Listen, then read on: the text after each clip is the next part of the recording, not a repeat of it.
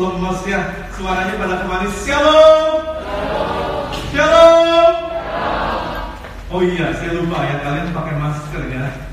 Jadi suaranya nggak full ya nggak full keluar jadi nggak begitu kedengeran oke no problem sekalipun kita ibadah harus pakai masker tidak mengurangi semangat kita. Oh silakan dulu silakan dulu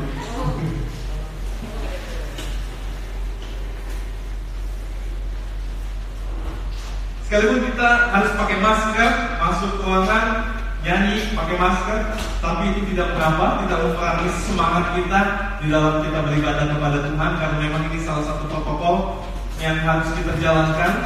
Uh, salah satu syarat yang harus kita terapkan di gereja kalau kita mau mengadakan ibadah di gereja. Oke, okay.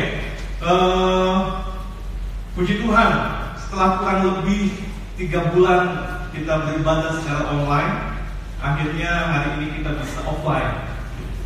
Teman-teman senang online apa offline? Offline. Tapi kalau medsos kita senangnya online ya, nggak suka offline. Tapi kalau ibadah kita lebih enak offline daripada online. Uh, siapa yang hari ini senang bisa beribadah di gereja? Boleh angkat tangan? Eh, saya yakin semuanya pasti senang ya. Sekalipun ibadah hari ini agak sedikit berbeda, nggak seperti biasanya. Teman-teman boleh ada bisa sebutkan apa perbedaannya ibadah hari ini dengan ibadah-ibadah sebelumnya? Apa? Pakai masker. Terus apa lagi?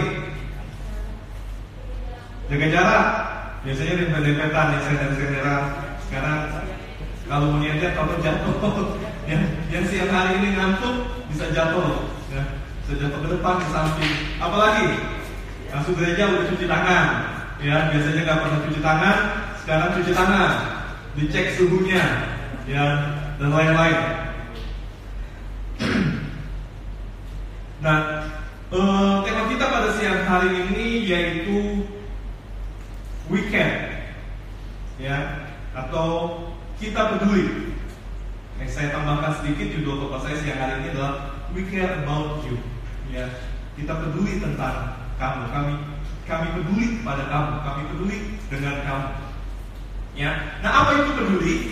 Ya kalau saya mengutip sedikit definisi peduli dari kamus besar bahasa Indonesia artinya adalah mengindahkan memperhatikan menghiraukan.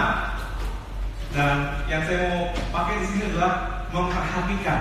Ya jadi peduli itu sama dengan memperhatikan memperhatikan sama juga dengan peduli. Ya. Nah, termasuk penerapan protokol COVID pada siang hari ini adalah karena kita peduli. Ya, peduli akan keselamatan kalian dari penularan virus COVID-19. Peduli kepada perjuangan pemerintah, perjuangan tenaga medis, perjuangan para relawan di dalam mereka memutus mata rantai penyebaran COVID-19 Tindakan kita memakai masker, cuci tangan, jaga jarak, ya dan lain-lain itu juga bentuk kepedulian kita terhadap keselamatan orang-orang yang ada di sekitar kita. Ya kita tidak mau akibat kita mereka jadi terkena virus dan kita juga nggak mau akibat mereka kita juga kena virus. Ya, jadi hal-hal yang kita lakukan di dalam protokol kesehatan uh, di dalam ibadah ini itu adalah bentuk kepedulian kita terhadap semua orang. Katakan amin. Ya, jadi peduli sama dengan memperhatikan, memperhatikan sama juga dengan peduli.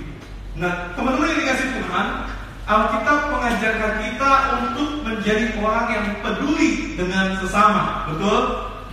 Alkitab banyak mengajar kepada kita untuk kita dapat menjadi orang percaya, menjadi murid Tuhan yang peduli dengan sesama. Banyak sekali ayat-ayat Alkitab yang mengajarkan kita untuk kita bisa peduli akan sesama. Kenapa? Karena kita adalah makhluk sosial, ya. Makhluk sosial artinya kita tidak bisa hidup seorang diri. Karena sehebat-hebatnya kita, pasti kita membutuhkan yang namanya bantuan dari orang orang lain juga. Ya, apalagi kita orang Asia, kultur kita adalah orang Asia, orang Indonesia. Sudah sangat terbiasa dengan yang namanya pola hidup bersosialisasi dengan orang banyak. Sudah terbiasa dengan yang namanya kumpul-kumpul. sudah terbiasa dengan yang namanya nobar, nonton bareng, mabar, makan bareng, main bareng dan lain-lain. Makanya disuruh tinggal di rumah selama beberapa bulan ini saja, wah, udah pada bingung, ya, udah pada nggak betah di dalam rumah, ya, udah gatel mau keluar, mau main, mau pergi ke mall, mau makan di luar, mau ketemu teman, mau kumpul lagi dan lain-lain. Ya, ada banyak hal yang udah kita rindukan untuk kita lakukan. Bahkan PSBB pun nggak dihiraukan lagi. Ya, semua orang udah pada keluar cari hiburan, cari liburan, pengen ketemu orang-orang yang lainnya, pengen lihat orang-orang yang lainnya dan sebagainya. Nah itu menunjukkan bahwa kita memang benar-benar makhluk sosial. Dan sebagai makhluk sosial, salah satu sifat yang harus kita bangun bahkan bukan hanya sekedar makhluk sosial, bukan hanya sekedar status kita sebagai makhluk sosial, tetapi status kita sebagai orang percaya, sebagai orang yang sudah kenal kebenaran firman Tuhan. Salah satu sifat yang harus kita tumbuhkan, yang harus kita bangun di dalam kehidupan kita adalah sifat peduli. Ya. Sifat kepedulian terhadap sesama kita. Mengapa kita harus peduli? Ya, pertanyaannya ini, mengapa kita harus peduli? Kenapa saya harus peduli dengan dia kok? Ya. Kenapa saya harus peduli dengan si A? Kenapa saya harus peduli dengan si B dan lain-lain? Nah, karena Allah terlebih dahulu peduli kepada kita. Amin. Karena Allah terlebih dahulu peduli kepada setiap umat manusia dan itu dia buktikan dengan dia datang ke dalam dunia dalam diri seorang Yesus Kristus.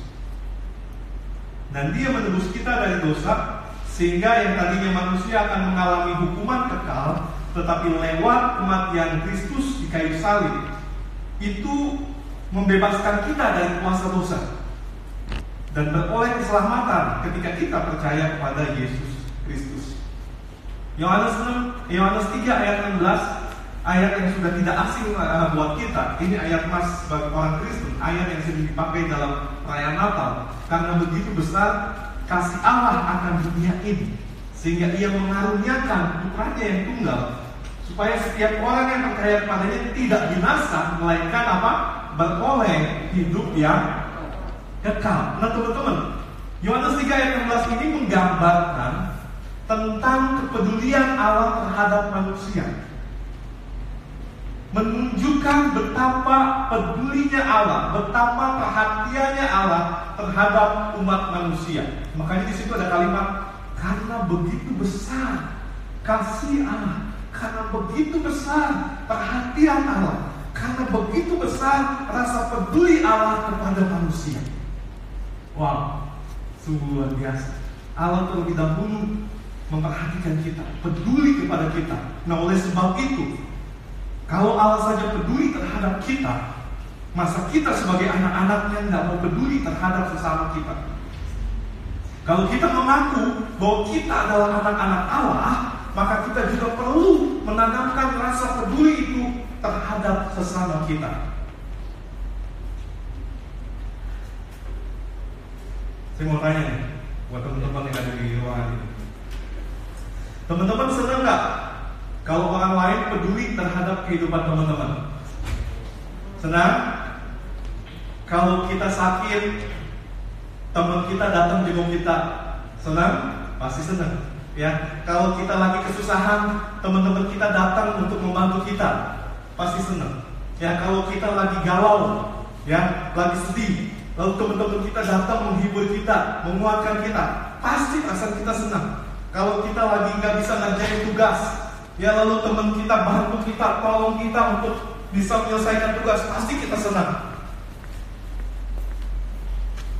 Nah oleh sebab itu, kalau kita mau orang lain peduli terhadap kehidupan kita, maka kita juga harus belajar peduli terhadap sesama kita. Amin. Kali ulangi, kalau kita mau orang lain peduli perhatian sama kita, maka kita juga harus belajar untuk peduli, untuk perhatian terhadap sesama kita. Katakan amin. Matius 7 ayat 12. Mari kita baca bersama-sama. Matius 7 ayat 12 berkata demikian. Segala sesuatu yang kamu kehendaki supaya orang berbuat kepadamu, perbuatlah demikian juga kepada mereka. Itulah isi seluruh hukum Taurat dan kitab para nabi. Ini yang tadi saya bilang, kalau kita mau orang orang lain peduli sama kita, maka kita juga harus peduli sama sesama kita. Kalau kita mau orang lain baik sama kita, maka kita juga harus baik sama orang lain. Kalau kita mau orang lain menolong hidup kita, maka kita juga harus belajar menolong kehidupan orang lain. Nah, pertanyaan berikutnya, siapa kok yang harus kita pedulikan? Kau mau tanya sama Kristen, Kristen, kalau menurut kamu siapa yang harus dipedulikan? Siapa yang harus kamu pedulikan? Semua orang. Good sudah mewakili berarti kan. Kalau semua orang berarti sudah mewakili. Nah, saya membuat urutan ya, siapa yang harus kita pedulikan, tapi urutan ini tidak baku ya. Ini bukan sesuatu yang mau prioritaskan dalam hal kepedulian terhadap sesama. Ya, kalau saya mengurutkannya ini eh, patokannya dalam radius ya, dalam jarak yang paling lebih dekat terlebih dahulu. Tapi ini bukan sesuatu yang baku. Ya. Yang pertama, Orang-orang yang harus kita pedulikan yang pertama adalah keluarga inti kita. Siapa itu keluarga inti? Yaitu orang tua, kakak atau adik. Kakek, nenek, kalau dia tinggal satu rumah dengan kita, itu keluarga inti. Itu yang harus kita beri perhatian lebih. Itu yang harus kita bangun kepedulian kita kepada mereka. Matius 15 ayat 4 berkata demikian. Sebab Allah berfirman, hormatilah ayahmu dan ibumu. Dan lagi, siapa yang mengutuki, siapa yang mengutuki ayahnya dan ibunya pasti dihukum mati. Teman-teman firman Tuhan sudah dengan sangat jelas mengajar kita bahwa sebagai seorang anak kita diperintahkan untuk menghormati ayah dan ibu kita. Kenapa? Karena dengan menghormati itu adalah bagian dari sikap peduli kita kepada mereka. Dengan kita menghormati mereka, maka itu adalah bentuk perhatian kita kepada orang tua orang tua kita. Itu yang pertama, ya yang harus kita uh, berikan perhatian adalah keluarga inti kita. Siapa itu keluarga inti? Orang tua, kakak atau ah, adik. Nah, yang berikutnya yang kedua yang harus kita berikan perhatian. Yang kedua adalah tetangga kita.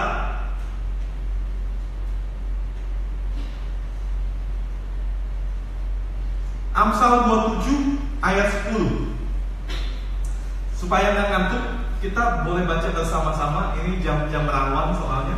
Ya. Apalagi yang mungkin udah pelayanan dari pagi yang udah kenyang kena AC dingin. Wah ini tantangannya luar biasa. Ayo bangun. Ya Amsal 27 ayat 10 kita baca bersama-sama. Satu dua tiga. Jangan kau tinggalkan temanmu dan teman ayahmu jangan datang di rumah saudaramu pada waktu engkau malam lebih baik tetangga yang dekat daripada saudara yang jauh Nah, maksudnya begini teman-teman. Kok tetangga lebih penting daripada saudara sih kok? Ini bagaimana sih?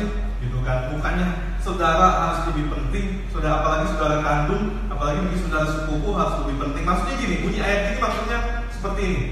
Ketika kita ada di dalam kesusahan, kalau di sini ditulisnya malam, ya, ada di dalam satu kesusahan besar, ya, penderitaan besar. Lebih baik meminta pertolongan. Gitu loh maksudnya. Lebih baik meminta pertolongan kepada tetangga yang dekat dengan kita daripada kita pergi ke rumah saudara kita yang rumahnya jauh, yang jaraknya jauh. Gitu maksudnya. Paham ya? Gitu maksud uh, maksud dari Amsal 27 ayat 10 ini. Bukan berarti kita uh, lebih memilih tetangga kita daripada saudara kita, bukan bukan seperti itu. Ketika kita ada dalam kesusahan, kemalangan, mintalah pertolongan kepada tetangga kita yang lebih dekat rumahnya. daripada kita harus pergi dulu ke rumah saudara kita yang jauh. Contohnya gini, ya. Kalau misalnya uh, rumah kita kebakaran, kita minta tolongnya sama siapa? Sama tetangga kita. Ya kan yang ada rumahnya ada di sebelah rumah kita. Pak, tolong Pak, rumah saya kebakaran. Bu, Bu, tolong Bu, kompor saya meledak kebakaran. Pasti kan kita teriak kita tolong pada tetangga kita, tetangga kiri kanan kita. Ya, nggak mungkin kan uh, istilahnya kalau kita minta tolong ke orang lain, bahkan mungkin ke best friend kita yang rumahnya jauh daripada kita.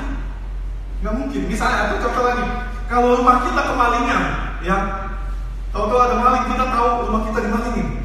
Kita teriak, kita keluar dengan tujuan apa? Supaya tetangga kita yang dengar teriakan kita, dia datang keluar untuk menolong, menolong kita.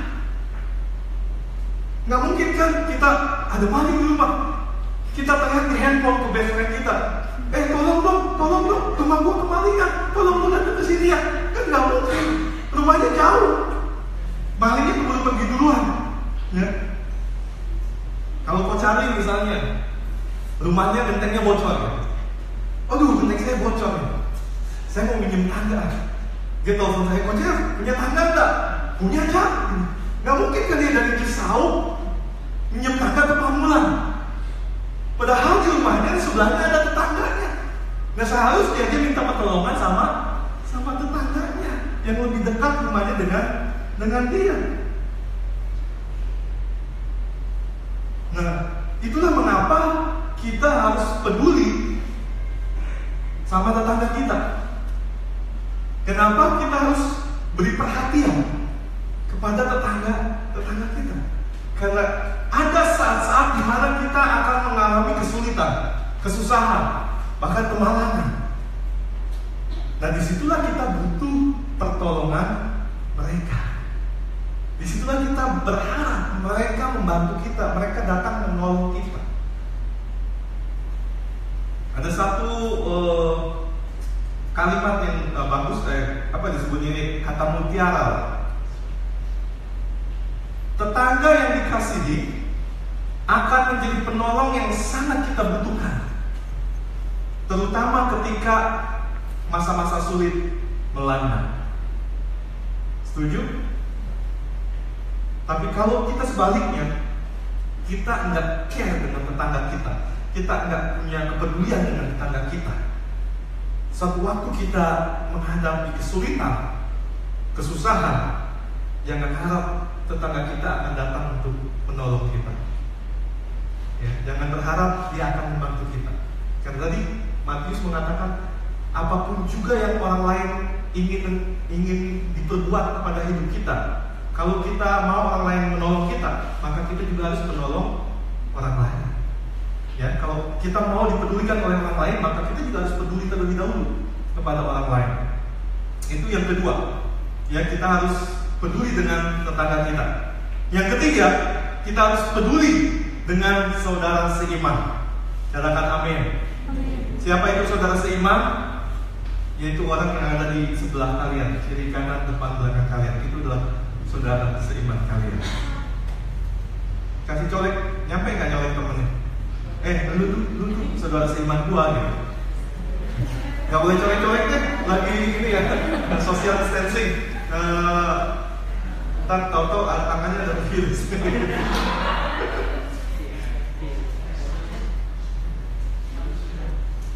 ya kita semua yang ada di dalam ruangan ini adalah saudara seiman dalam Tuhan.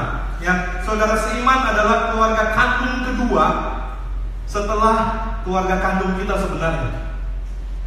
Bahkan kadang saudara seiman itu bisa lebih dekat, ya, bisa lebih care, bisa lebih perhatian daripada saudara kandung kita yang mungkin memang nggak peduli dengan kita, nggak perhatian dengan kita. Ya. Misalnya kalau kita lagi kesusahan, Saudara seiman kita udah datang, ya udah udah mengunjungi, udah nongol, udah kasih bantuan. Tapi kadang saudara kita, saudara kandung yang sebenarnya atau saudara sepupu kita malah belum datang. Nah itulah mengatakan kenapa dikatakan saudara seiman adalah keluarga kandung kedua setelah keluarga kandung kita yang sebenarnya. Nah teman-teman, eh, kaitannya antara kita dengan saudara seiman, kenapa kita harus saling care? Kenapa kita harus saling peduli? Kenapa kita harus saling perhatian satu sama lain adalah karena kita sama-sama anggota tubuh Kristus. Teman-teman harus sadar bahwa kita ini adalah sama-sama anggota tubuh Kristus. Jadi kita harus saling menjaga satu sama lain. Kita harus saling memperhatikan sesama anggota tubuh Kristus. Sehingga tubuh Kristus yang ada di tempat ini dapat terpelihara dengan baik. Bahkan tubuh Kristus yang ada di tempat ini itu terlihat elok, terlihat cantik, terlihat seksi di pemandangan orang-orang yang belum percaya kepada Kristus. Itu sebabnya kenapa kita harus perhatian, harus care sesama anggota tubuh Kristus. Saya yakin di sini apalagi terutama anak-anak cewek. Ada nggak bagian tubuh kalian yang nggak diperhatiin sama sekali? Ada? Pasti perhatiin. Saya yakin pasti perhatiin. Mulai dari ujung rambut sampai telapak kaki itu pasti diperhatiin. Makanya kenapa rambutnya suka diapain? Suka dicuci, uh, di blow, di bleaching, di smoothing, ya supaya bagus. Bulu matanya di ini biar lentik, ya alisnya disulam, bibirnya disulam, ya. Saya mau sulam kumis ya ntar. Sampai kaki, kenapa makanya suka pedicure, manicure? Supaya kakinya bagus. Kalau dilihat kalau pakai sandal jepit itu, dilihat ih kakinya jarinya lentik-lentik jarinya bagus banget. Diperhatiin sampai telapak kaki telapak kaki yang kasar ya yang kapalan tuh kan digosok-gosok dikikir kan. Biar halus. Jadi kalau pas lagi ngantri gitu dilihat orang dari belakang ih kakinya bagus banget.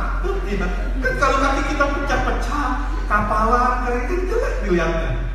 Makanya kenapa diperhatiin? Karena itu adalah anggota tubuh dia Nah demikian posisi kita di dalam Kristus. Kita ini adalah sesama anggota tubuh Kristus. Ada yang jadi tangan, ada yang jadi kaki, ada yang jadi mata, ada yang jadi kepala, dan lain-lain. Nah oleh sebab itu Tuhan mau supaya kita sebagai sesama anggotanya bisa saling memperhatikan, saling peduli satu sama lain. Ya bayangkan kalau seandainya sebagai tubuh Kristus tidak saling peduli satu sama lain. Ya, apa yang terjadi sudah? Apa yang terjadi? Bisa kacau balau. Ya. Di sini Rasul Paulus menggambarkan tubuh Kristus digambarkan seperti tubuh manusia.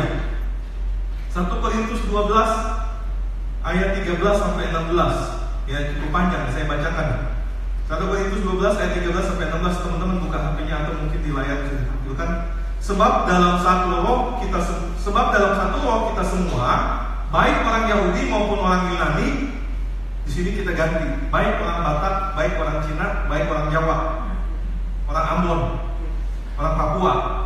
Ada lagi nggak suku-suku yang lain? Orang Sunda.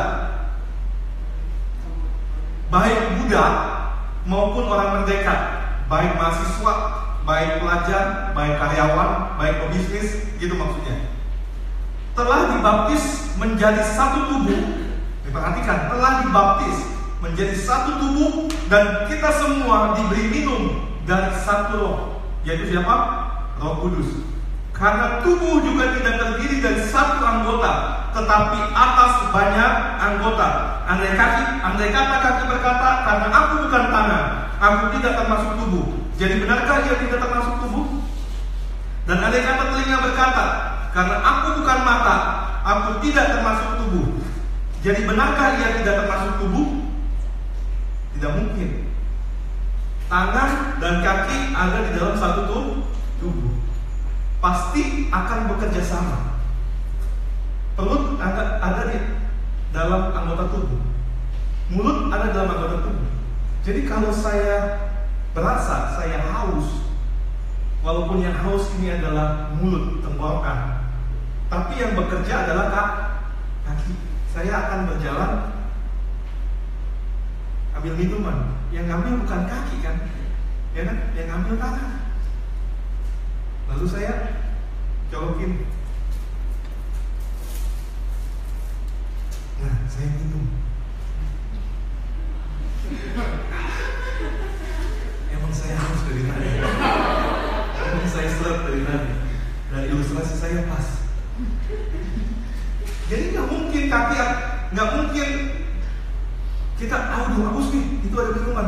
Jadi kaki bilang nggak mau, nggak mau, nggak mau. Jadi tangan aja, kaki nggak mau, ya nggak bisa, nggak bisa nyampe ambil minuman. Jadi satu sama lain anggota harus saling bekerja sama, saling memperhatikan, saling melengkapi, saling peduli satu sama lain sehingga apa? Sehingga yang tadinya kesusahan, kesulitan itu bisa teratasi.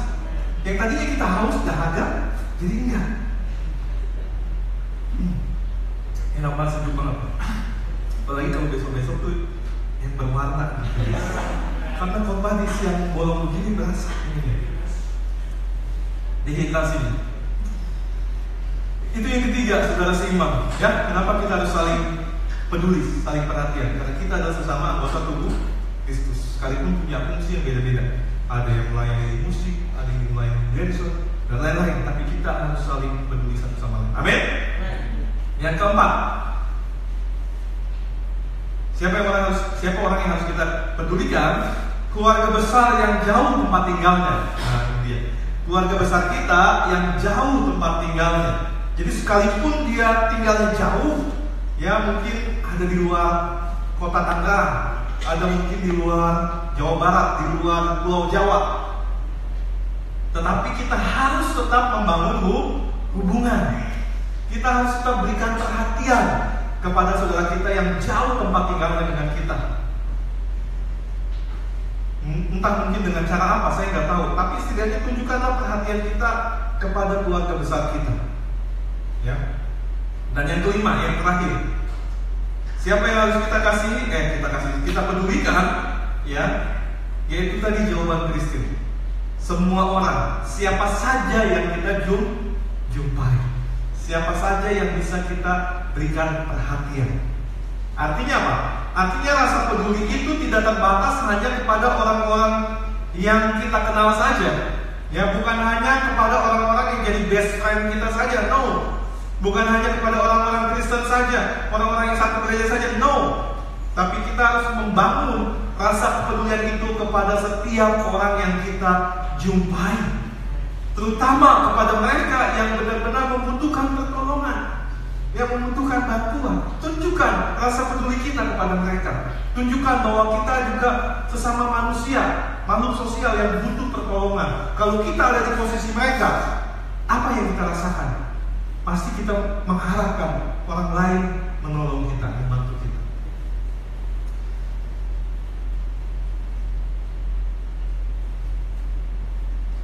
Nah,